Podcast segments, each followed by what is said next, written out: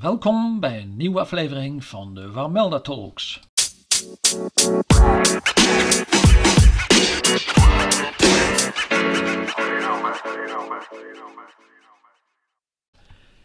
De geschiedenis van Warmond is verweven met die van de schilderkunst.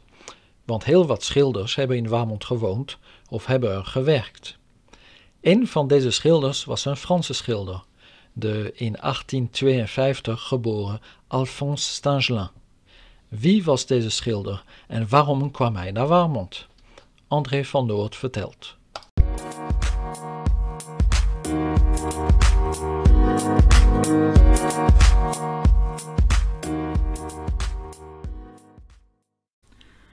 Bij de moeder van de heer J. Bergman uit Sassenheim werd ongeveer tien jaar geleden een grote hoeveelheid materiaal van de Franse kunstschilder Alphonse Stangelin gevonden. Het betrof een collectie ansichtkaarten van de periode 1904-1915, tekeningen, schilderijen, een koperen etsplaat en een exemplaar van het tijdschrift L'œuvre d'art. Bij een oom van genoemde Bergman kwam nog een schetsboek tevoorschijn. Al het materiaal is afkomstig van de boerderij van de familie Bergman op het eiland De Kok onder Warmond en werd in 1999 aan het Katwijksmuseum geschonken. Alphonse Stangelin werd op 26 september 1852 in Lyon geboren. Na zijn studie op het Lycée Ampère kreeg hij schilderlessen van Joseph Guichard, Fleury Chenu en Nemorin Cabane. Met Cabane bezocht hij in 1876 Nederland. In 1888 trouwde Stangelin met zijn nicht Coralie Stangelin, met wie hij vier kinderen kreeg. Stangelin werkte in Basel, Frankfurt, München, Milaan, Rome, Montpellier en Parijs. In Parijs opende hij zelfs een atelier. Later ging hij met zijn gezin in Écueilly, een voorstad van Lyon, wonen en na zijn 60ste verjaardag vestigde hij zich in Satigny in Zwitserland. Hij had een grote voorliefde voor de oude Nederlandse meesters. Hij kopieerde meesters als Jan van Gooien, Paulus Potter, Willem van der Velde en Gerard ter Borg. Hij was een groot bewonderaar van Rembrandt. Zijn voorliefde voor genoemde meesters bracht hem naar Nederland. Daar werkte hij in plaatsen als Katwijk aan Zee, Hooghalen in Drenthe, Hardingsveld en Warmond. In Warmond verbleef hij in de jaren 1904-1915 zomers bij de familie Bergman op het eiland De Kok in de Kagerplassen. Het eiland De Kok bestond oorspronkelijk uit twee polders, de Tuinderpolder en de Kochjespolder. Op 9 maart 1686 werden beide polders verenigd tot de Tuinder- of Kochjespolder. Het eiland was al vroeg bewoond. Op de kaart van het Hoogheemraadschap van Rijnland van de jaren 1610-1615 is duidelijk bewoning te zien. Begin 18e eeuw was van die bewoning niet veel meer over. Daarna was het eiland lange tijd onbewoond. Dat veranderde toen er in of vlak voor 1882 in opdracht van Christina Elisabeth Roelands, weduwe van jonkheermeester Isaac Lambertus Kremer van den Berg van Heemstede uit Schravenhagen, een huis met schuur gesticht werd. Zij was eigenaresse van een groot deel van het eiland. De eerste bewoners, huurders, waren Jacob Bergman en zijn vrouw Johanna Bol. Ze kregen in totaal twaalf kinderen. Ze waren de enige bewoners van genoemd eiland. Vader Bergman was watermolenaar van beroep. In december 1877 vestigde hij zich in Huizing 180 te Warmond. Hij woonde dus eerst in de molen, maar toen zijn gezin groeide, werd er een huis voor hem gebouwd. Bergman stierf op 16 augustus 1906 in Warmond.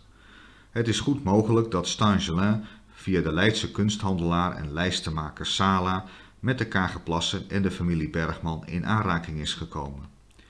In een brief aan Sala, gedateerd 7 januari 1905, zegt Stangelin dat Sala een afdruk van zijn schilderij Moulin de Rijpwetering krijgt als herinnering aan de boottochtjes op het Kagermeer. Meerdere leden van de familie Sala waren enthousiaste zeilers. Zo hadden de broers Henri en Simon en hun oom Frans Sala een boot. Van deze laatste is bekend dat hij met kunstschilders, waaronder J.H. Weissenbroeg, over de Kagerplassen voer. Stengelin had zelf een bootje. In zijn brief aan Sala, gedateerd 4 maart 1909, vraagt hij of Sala aan scheepmaker Schakenbos wil meedelen dat hij eind april naar Warmond komt en of zijn bootje dan al is gerepareerd. Vanaf zijn logeeradres bij de familie Bergman verkende Stangelin het gebied. Zo maakte hij in 1913 een ets van de molen van de Groothemmerpolder onder Warmond. Deze molen werd in 1924 gesloopt. De molen was in slechte staat en het was voordeliger om op machinale bemaling over te gaan.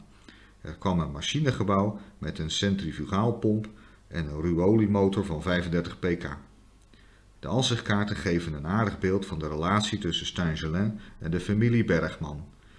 Op 13 juli 1912 schreef Stangelin aan de weduwe Bergman: Isabelle en ik zullen 1 of 2 augustus bij u komen logeren. Wees zo goed twee doeken op spierramen voor mij in ontvangst te nemen. Wil u ook de brievenbestellers waarschuwen dat ik weer kom. Hartelijke groeten van aan allen. Stangelin, Hardingsveld, 13 juli 1912. En op 4 januari 1915 schreef hij aan mevrouw Bergman: Uw briefkaart heeft zich met de onze gekruist. Hartelijk dank voor uw goede wenschen. Kort geleden was mijnheer Oberkampf nog gezond. God geven dat de krankzinnige oorlog ophoudt. Hoe maken het uw zoons? Moet enkel maar Gerard dienen als militair? Godij heeft een beetje vakantie, maar zal weer spoedig naar het Zwitsers leger moeten vertrekken. Hartelijke groeten van aan allen. Stangelin de Satigny, Genève, Suisse, 4 januari 1915. Stangelin had blijkbaar geen moeite met het Nederlands. De ansichtkaarten zijn niet alleen van Stangelin zelf, maar ook van zijn vrouw en kinderen.